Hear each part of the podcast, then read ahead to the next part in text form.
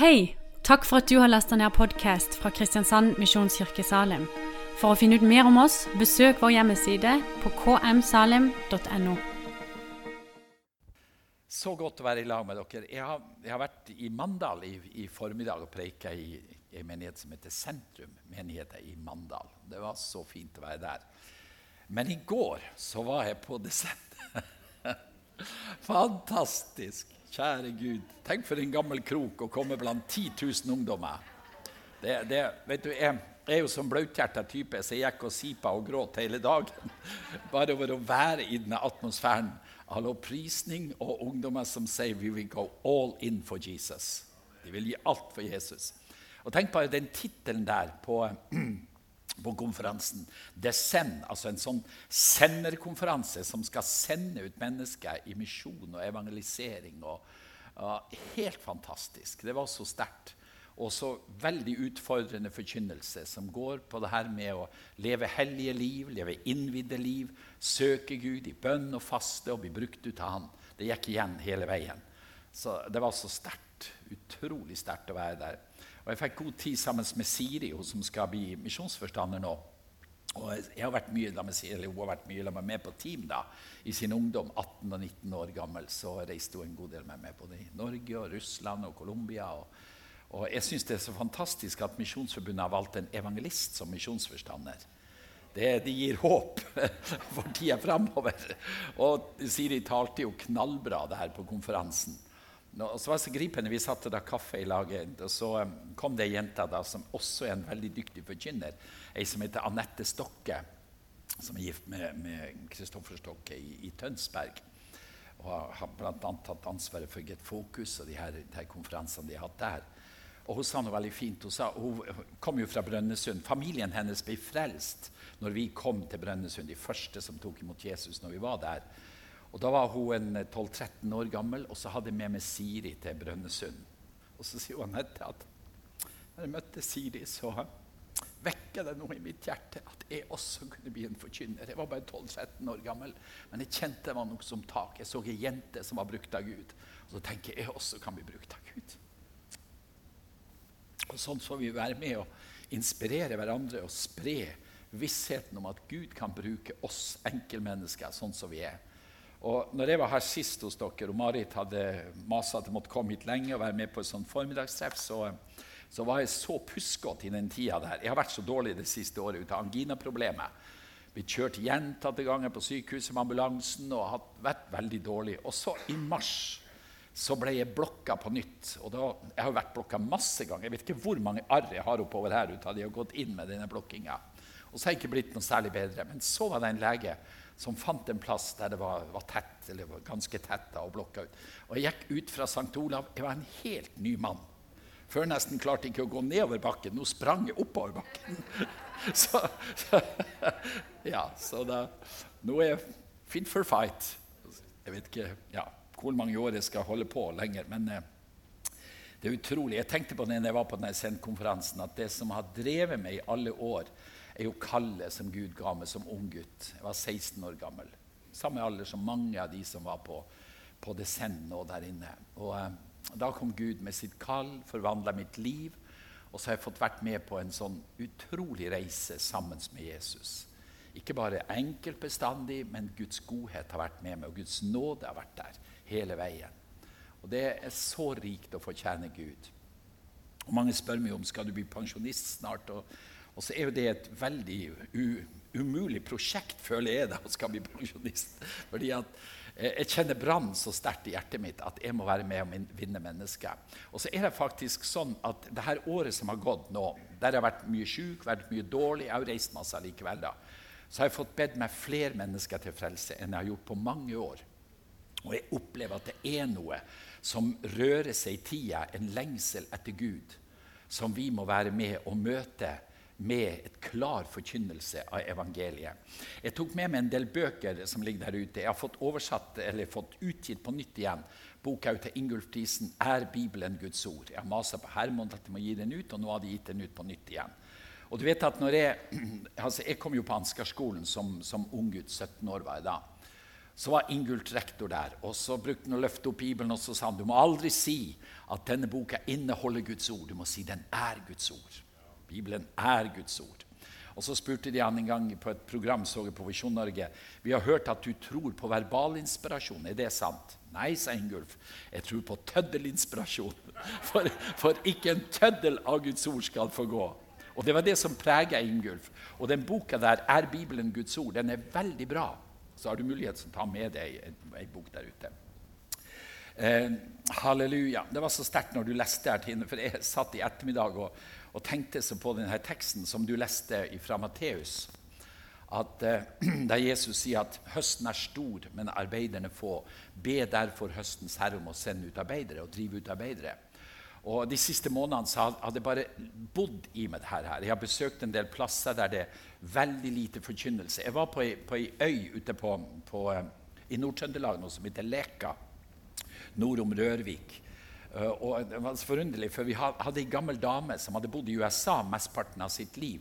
Men så var hun flytta hjem til Leka. Og så var det ei sånn bønnedame, så hun kom stadig til bønnesenteret og så sa hun hele tida I must start a prayer club. I must start a prayer club in Leka, sa hun. Så når hun snakka sånn miks av norsk og engelsk. Hun skulle starte en bønneklubb på Leka. Og Så dro hun dit og prøvde. da, Så var det én kristen til som hun kunne være sammen med. Og Etter hvert så flytta denne kristne derifra, og så ble hun alene ute på Leka. Og Så tenkte jeg at jeg må komme ut til hun Klara og ha et møte ute på Leka. Så vi leide kirka der. Eh, og så sa de, de, der ute når jeg møtte de, at siste gang det var et evangelisk møte på Lekka, det var 19, på 1980-tallet. Siden hadde det ikke vært evangeliske møter på Lekka. Du snakker om unådde folkeslag. Det bor ca. 500-600 på øya, og aldri noen som forkynner Guds ord der ute. Og, og Clara hun var så lykkelig når hun gikk fra bilen. Hun hadde mista tennene, så hun var skrøpelig og gammel og dårlig. Men når hun gikk ut av bilen, så dansa hun. Tenk at det har vært møte på Leka.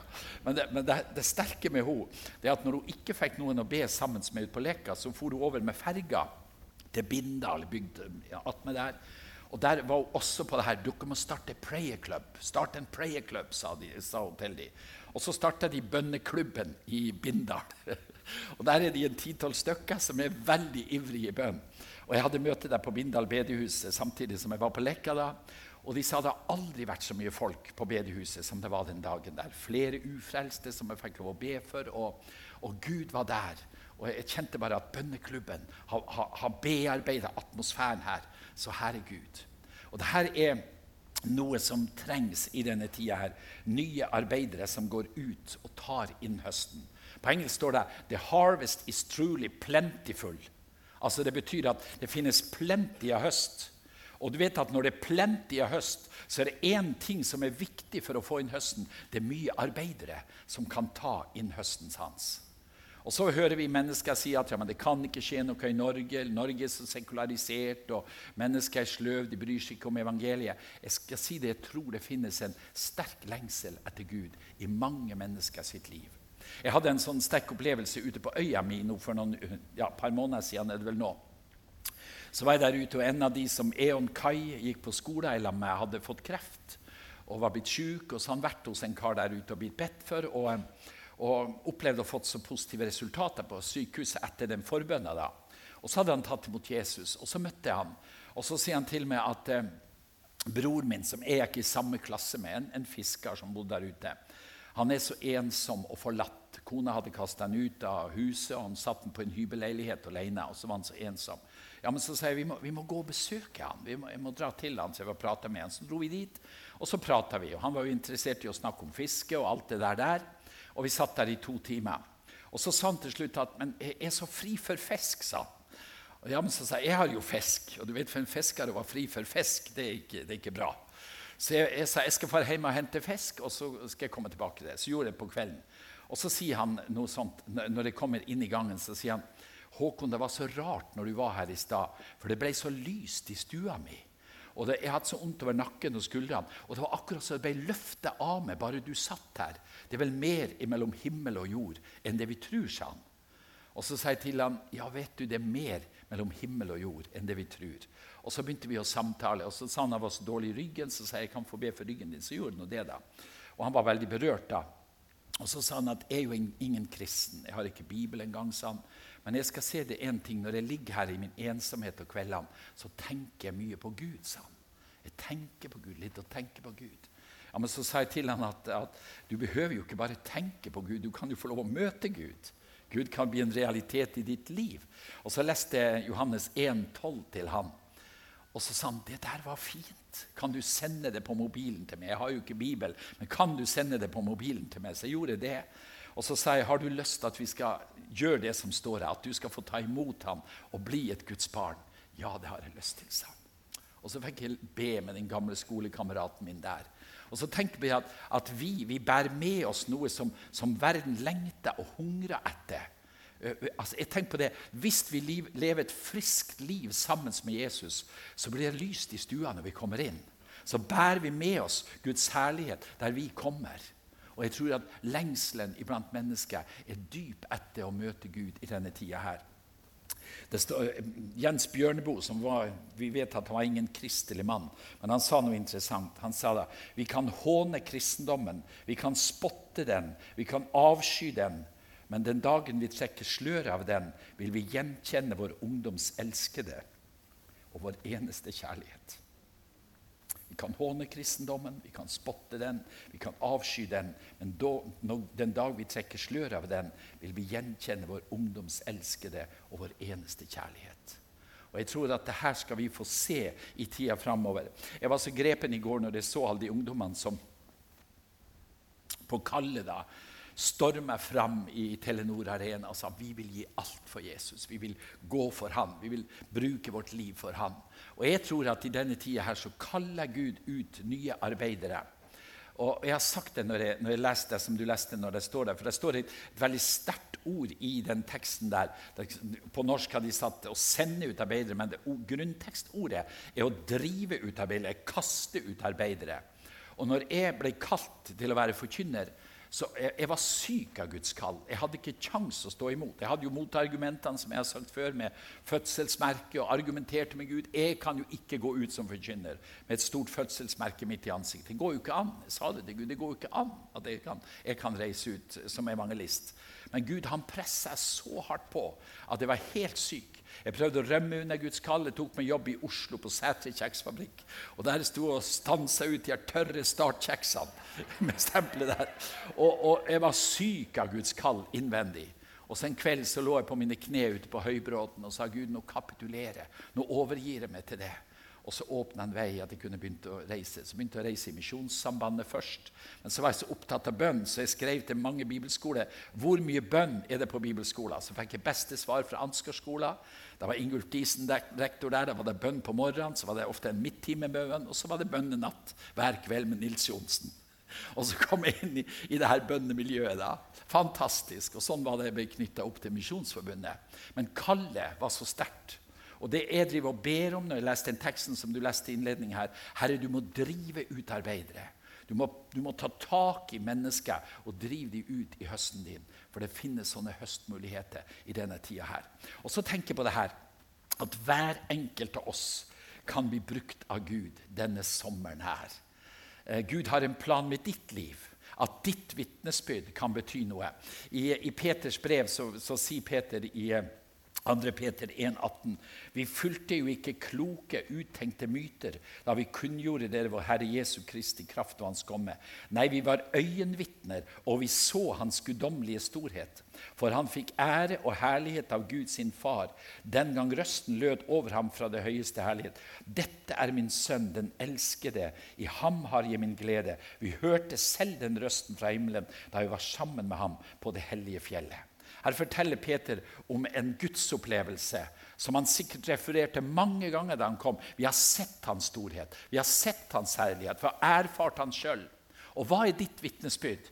Jo, vitnesbyrdet ditt det er at du har møtt Jesus. Du har erfart ham. Folk kan bruke alle mulige argumenter imot din gudsopplevelse, men det hjelper ikke, for du har en opplevelse av at du har møtt Jesus, og at det har forvandlet ditt liv.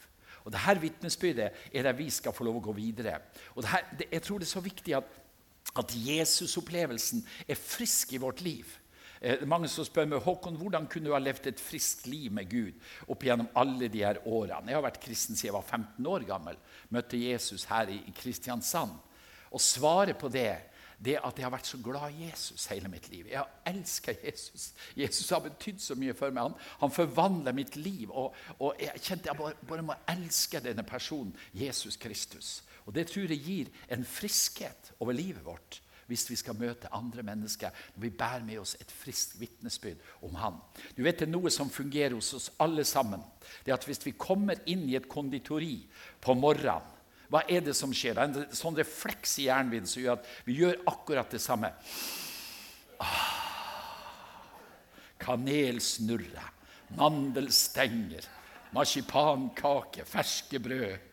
Og det her vet du, Å bære med seg en fersk opplevelse der du stadig har nye møter med Jesus, det er så viktig hvis vitnesbyrdet vårt skal være friskt.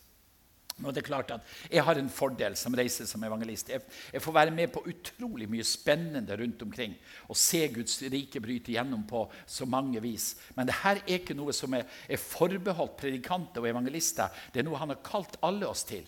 Og det, og det, det friske møtet med Jesus det er ikke langt borte. Det er ikke noe som vi liksom må, må presse for å få tak i. Men hvis vi vil leve et enkelt fellesskapsliv med Jesus, så er gudsopplevelsene der. Så kommer Gud nær og så møter han oss med sin kjærlighet og sin omsorg. Jeg hadde, jeg hadde en sånn fin opplevelse nå for en stund siden. Jeg var på Vestlandet og hadde møter der. Og så hadde jeg kjørt langt fra Levanger. Jeg var trøtt og sliten når jeg kom fram til menigheten der jeg skulle være. Jeg hadde aldri vært der før. Og så plutselig når jeg skal fram og forkynne Guds ord, så får jeg så veldig vondt i overarmene mine. Og jeg har ikke vondt i overarmene. Jeg er jo ikke, jeg er jo ikke noen arbeidskar. Jeg er jo en predikant er jo som du hilser på en fiskepudding hvis du tar med i handa. så, så jeg, jeg, jeg, har, jeg, har, ikke noe utslitte armmuskler i det hele tatt. Men, men, så ble det så vondt i armene. Og så, så, kjente jeg at det er noen som sliter med det her. Jeg følte at det er et, et ord til noen. Så preiker jeg, og så sa jeg er det noen her som, som sliter mye med overarmene sine. Og så er det ei dame som begynner å gråte i salen. Og så sier hun jeg har ikke nesten sovet på ni døgn. Og sa på, jeg har så grusomme smerter i overarmen. Og når jeg kjørte til møtet her i dag, så sa jeg til Gud at i kveld må du gi meg en hilsen ifra det. Og så er det jo flott at jeg får være den som kan bringe en hilsning inn i hennes liv. Og så, og så ba vi for henne, så slapp smertene, og i neste møte så vitna om hvordan Jesus har vært der og helbreda henne ifra de her armsmertene hennes. Guds opplevelse som du får være med på. Og jeg tror Gud har masse sånt på lager for oss den enkelte hvis vi vil leve tett innpå Han. Jeg var ikke i god form. Jeg var sliten og trøtt etter kjøringa og tenkte at jeg er ikke så veldig åndelig i kveld, men så kommer jo bare Gud, da.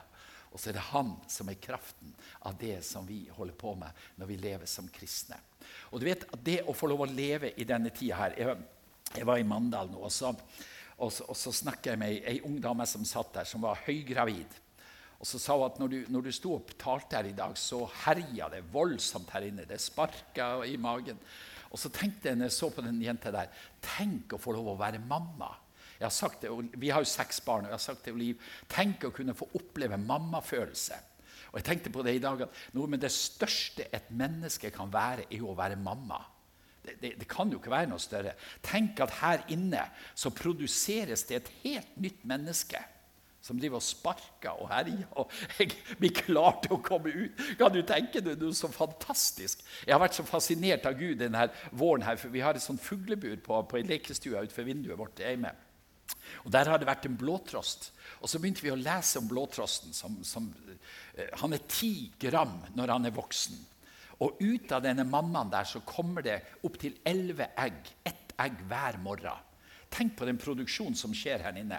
Og så sto det i det vi leste at, at så, så, får altså pappaen da, han får en meny som han skal servere mammaen mens hun ligger og produserer egg. Og Den menyen må være en god del kalk i, så det kan lage skall på egget. Så han leter etter sneglehus som han kan bringe til, til mammaen som, som ligger og verper der. Kan, kan, du tenke det? Altså, Pappaen får overleve et menykartet når han kommer i denne her, her alderen, ja, paringsalderen. Og så begynner han å, begynner å produsere det her. Og så sier mennesket det er tilfeldigheter. Det er jo så fantastisk.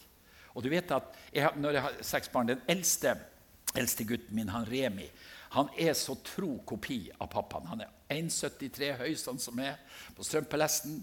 Eh, ser likens ut. litt for mye her. Vi er litt feilkonstruerte. Dette, dette, dette, her partiet skulle vært lenger opp. Tenk for, tenk for, en bodybuilder det har vært hvis, hvis det har skjedd. Men André blir akkurat sånn. Og ikke nok med det.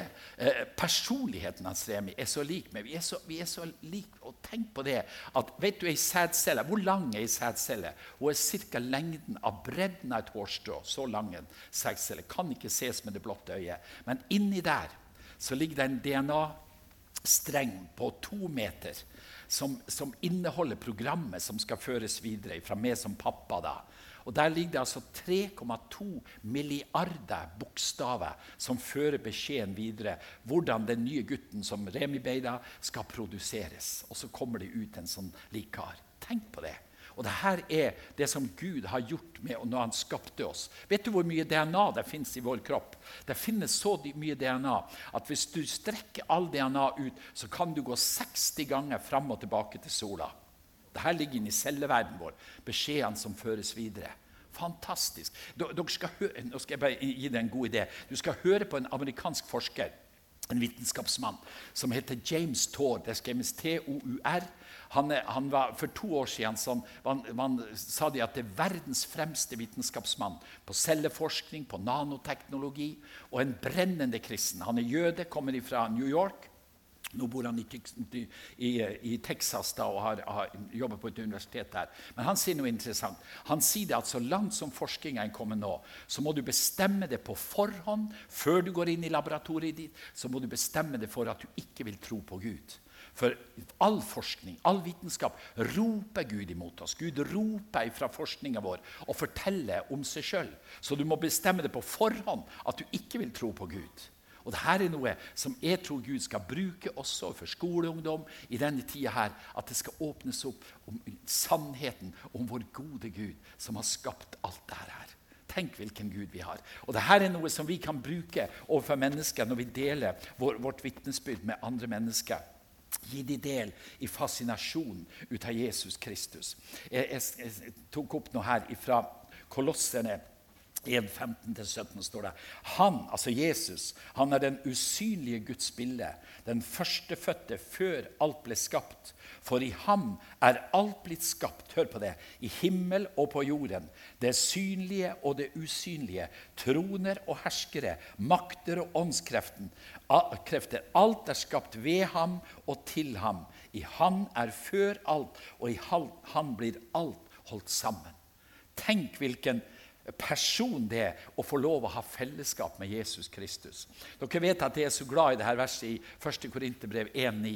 At Gud er trofast, Han som har kalt dere til samfunn med sin sønn Jesus Kristus, vår Herre. Fantastisk vers. Og Det at det er mitt viktigste og dypeste kall, det kallet til samfunn med Jesus. Men kanskje sier du at 'jeg er så stressa, jeg får ikke til det der'. Begynn med at du går rundt om dagen og sukker sukker navnet Jesus og mumla Jesus og tygg på Jesus og la lovsangen stige. Takk, Jesus. La det, la det fylle bevisstheten din. Så kommuniserer du med himmelen, og så kommer Gud nær i hverdagen din. Vi er kalt inn til samfunn og fellesskap med Jesus Kristus, hver eneste av oss. Og Hvis vi gjør det, så vil det flyte naturlig fram ifra vårt liv. Noe som vil berøre mennesket rundt oss med Guds kraft og Guds godhet. Jeg sa det at jeg har fått lov å bedt med ganske mange det siste året. Jeg skulle høre noe interessant som jeg har opplevd flere ganger den siste tida nå. Det er at Jeg har møtt en del mannfolk som ikke vil kalle seg kristne, men som lever i lag med damer som er frelst. Og I flere av de tilfellene så har det vært sånn at, at dama er tent, hun er karismatisk, hun er ivrig, hun står på for Jesus. Og mannen han eh, tør ikke å kalle seg en kristen. Jeg sa til en av de, en som ble frelst når Eon Kai var, var unge evangelister oppe i Lofoten, så ble kona hans frelst. og Så satt jeg og samtalte med henne for en stund siden. Og så sa han at eh, jeg, jeg tør ikke kalle meg en kristen. For jeg er ikke sånn som kona mi, og hun er så brennende hun er så ivrig. Og, og sånn er jo ikke jeg, sa han. Og så tør han ikke kalle seg for kristen. Ja, men så sier du tror jo på, på, evangeliet. Jeg tror på alt, sammen. Jeg tror på alt som står i Bibelen, og jeg tror på Jesus. Men jeg er ikke frelst, sa han. Jeg er ikke en kristen. Ja, men så sier jeg, Hvordan blir du frelst? Det er jo ved å tro på ham. Alle dem som tok imot ham, ga han retten til å bli Guds barn. De som tror på hans navn. Og så hadde han liksom et bilde at kona hun var så fantastisk kristen, så han nådde ikke opp til det. Og så fikk jeg lov å lede han inn i bønnen og si at du skal få lov å være en kristen akkurat sånn som du er. Og Jeg hadde en ny en kar bare for noen uker siden. Akkurat det samme. Kona er superspirituell, og han er en rolig type. En forretningsmann som har drevet forretning og gjort det bra. Og Så fikk jeg være med og velsigne bedriften hans, og så fikk jeg en sånn varm og god samtale med han. Og så trodde han jo på alt, han også. Men han var ikke sånn som hun. da. Men tenk at vi kan få lov å være forskjellige kristne med forskjellige legninger, forskjellige personligheter, og så kan vi få lov å bety noe for mennesker som kanskje er sånn som oss også, ved at vi deler evangeliet med dem.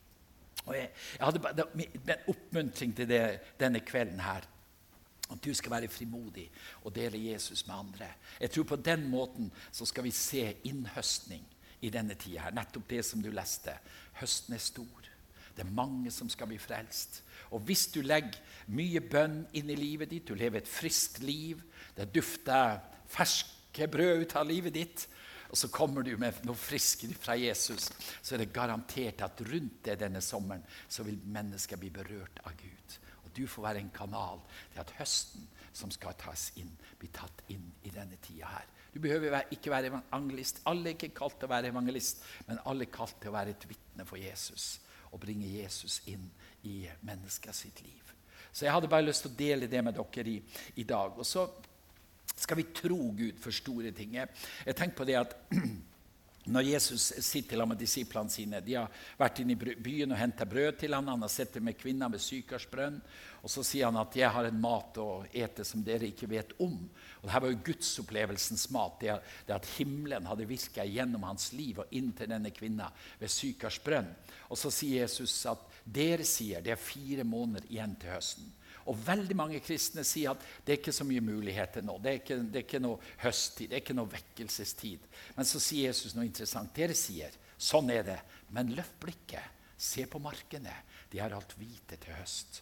Og vi skal få lov å se med Jesus i blikk. Vi skal ha et positivt syn som skal prege vårt liv. At vi tror Gud. For at, komme, at det kan være høsttid nå, at Gud kan bruke oss, og at vi kan få være friske vitner som bringer evangeliet om Jesus til mennesker i denne tida her.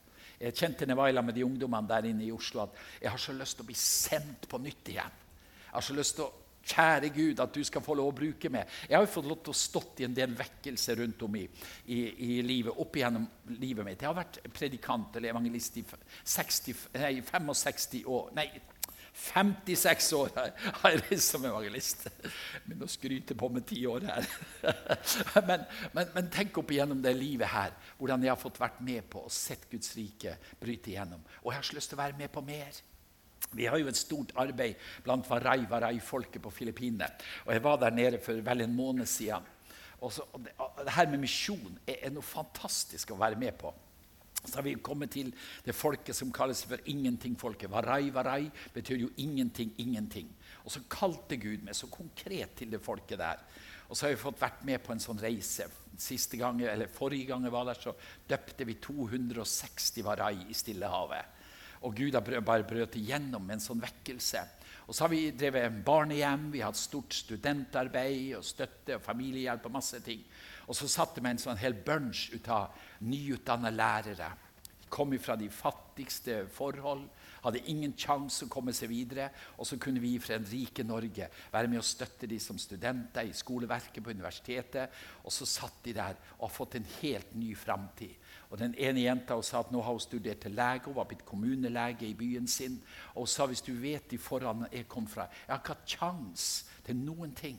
Men pga. støtten fra Norge så fikk jeg lov å ta den utdannelsen. Og så har jeg kommet videre. Og det å få lov å være med og se det her, det er så utrolig rikt. Og det her er Guds rike, som vi får lov å være en del av. Spre evangeliet. Se at høsten tas inn, og mennesker blir frelst i denne tida her. Det skal vi få være med på. Så jeg, jeg skal ikke si så mye mer, men Gud velsigne det. og Tenk på det at denne, denne sommeren her skal du få lov å være en som er, er brukt av Gud, og så kan du komme tilbake med vitnesbyrd til menigheten. I går hadde jeg en sånn sterk opplevelse. Jeg møtte en som var så hungrig etter Gud. Jeg tror de fins her i Kristiansand. Veldig mange har kristne bakgrunner med søndagsskole, barnearbeid. Gud har et, et, håndtak på en måte han kan ta tak i livet deres og begynne med. Og så skal vi få lov å høste inn mennesker for himmelen i denne tida her. Så eh, vær frimodig. Søk Jesus. Ha fellesskap med han. Ta det tid der du søker han, James Torder, han er vitenskapsmannen fra USA, han, han, sier at det han gjør hver morgen, så bøyer han sine kne med Bibelen foran seg, og så bruker han en time i bønn før han går inn i laboratoriet sitt og begynner å forske. Og så har Gud åpenbart så mye for Han hadde hatt en gudsopplevelse for en tid tilbake der Jesus sto innpå laboratoriet hans og fortalte ham hvordan han skulle bli brukt av Gud til revolusjonerende ting i framtida. Så, så han, det er så interessant, for Han har ei åpen telefonlinje for søkere. Kristne får lov, ikke lov å ringe den. Men hvis du er en søkende student, eller noe sånt, så får du lov å ringe til han. Og så veileder han mennesker inn i fellesskapet med Jesus. Og så sier han sånn Hvis det går en uke uten at jeg har bedt med én synder til frelse, så er det en dårlig uke for meg. Tenk på det når du er på, helt på toppen i vitenskapen og blir brukt av Gud på den måten. her. Og Han er jo utrolig eh, interessant, for han, han tror på hele Guds ord. Han tror på skapelsesberetninga i første Mosebok. denne karen her. Og Det er ikke fordi han er dum, men fordi han har en superhjerne som har funnet ut så mange sterke ting om skaperverket. Han ta, ta, kan ta hver eneste darwinist og, og, og, og vitenskapsmann på det han, og diskutere med dem. Og han setter fullstendig til vekst i alt fordi han kjenner Gud i skaperverket så sterkt gjennom forskninga si. Og Dette er noe som Gud gjør i denne tida her. Og Vi lever i interessante tider. Mennesker høstes inn for himmelen i denne tida. Og Gud vil bruke deg, og Gud vil bruke meg. Halleluja. Herre, vi takker deg for din godhet imot oss. Takk at du er her i Salem i kveld og vil berøre vårt liv.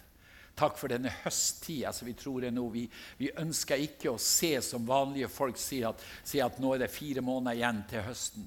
Men vi ønsker å løfte blikket. Vi ønsker å se på markene. Og vi ser at markene er hvite til høst. Jesus, jeg ber at du skal bare vekke lengselen i mange mennesker sitt liv i Kristiansand og så ber jeg at du skal bruke de som er på møte her i kveld. skal bruke de i hverdagen. Kanskje mange av de har aldri vunnet et menneske for himmelen. Aldri sett noen har blitt frelst i livet sitt. Jeg ber det skal komme en ny tid, Herre. Der det kommer vitnesbyrd at vet du, jeg fikk be med naboen min til frelse. Fikk be med arbeidskollegaen min til frelse. Fikk be med skolekameraten min til frelse. Og at vi får se en tid av sterke vitnesbyrd om innhøstning, der mennesker blir høsta inn for himmelen. Takk for det som var lest her, så sto det at du var høstens herre. Det er ikke djevelen som eier folket i Levanger, i, i, i Kristiansand. Du er den rettmessige eier til hver kristiansander, Herre. Du har skapt dem, du har kjøpt dem med ditt blod på Golgata. De er din rettmessige eiendom. Og så vet vi at djevelen har stjålet dem ut av fellesskapet med det. Og så skal vi få lov å vinne de tilbake. Og vi sier over Kristiansand at Kristiansand, du er ingen farløs by. Du tilhører din himmelske far. Kristiansand, du er ingen farløs by. Du tilhører din himmelske far. La det bli innhøstningstid i denne byen, der menighetslokalene kan fylles opp av mennesker som søker Gud, som skal føres videre til å bli disipler av det. Det ber vi om i Jesu navn. Takk at du er en så god Gud. Og vi har fått erfart din godhet. Gjennom et langt liv så har jeg fått erfart hvilken god Gud du er. Må du bruke oss, Herre, som ditt folk i denne tida her. Det ber vi om i Jesu navn. Amen.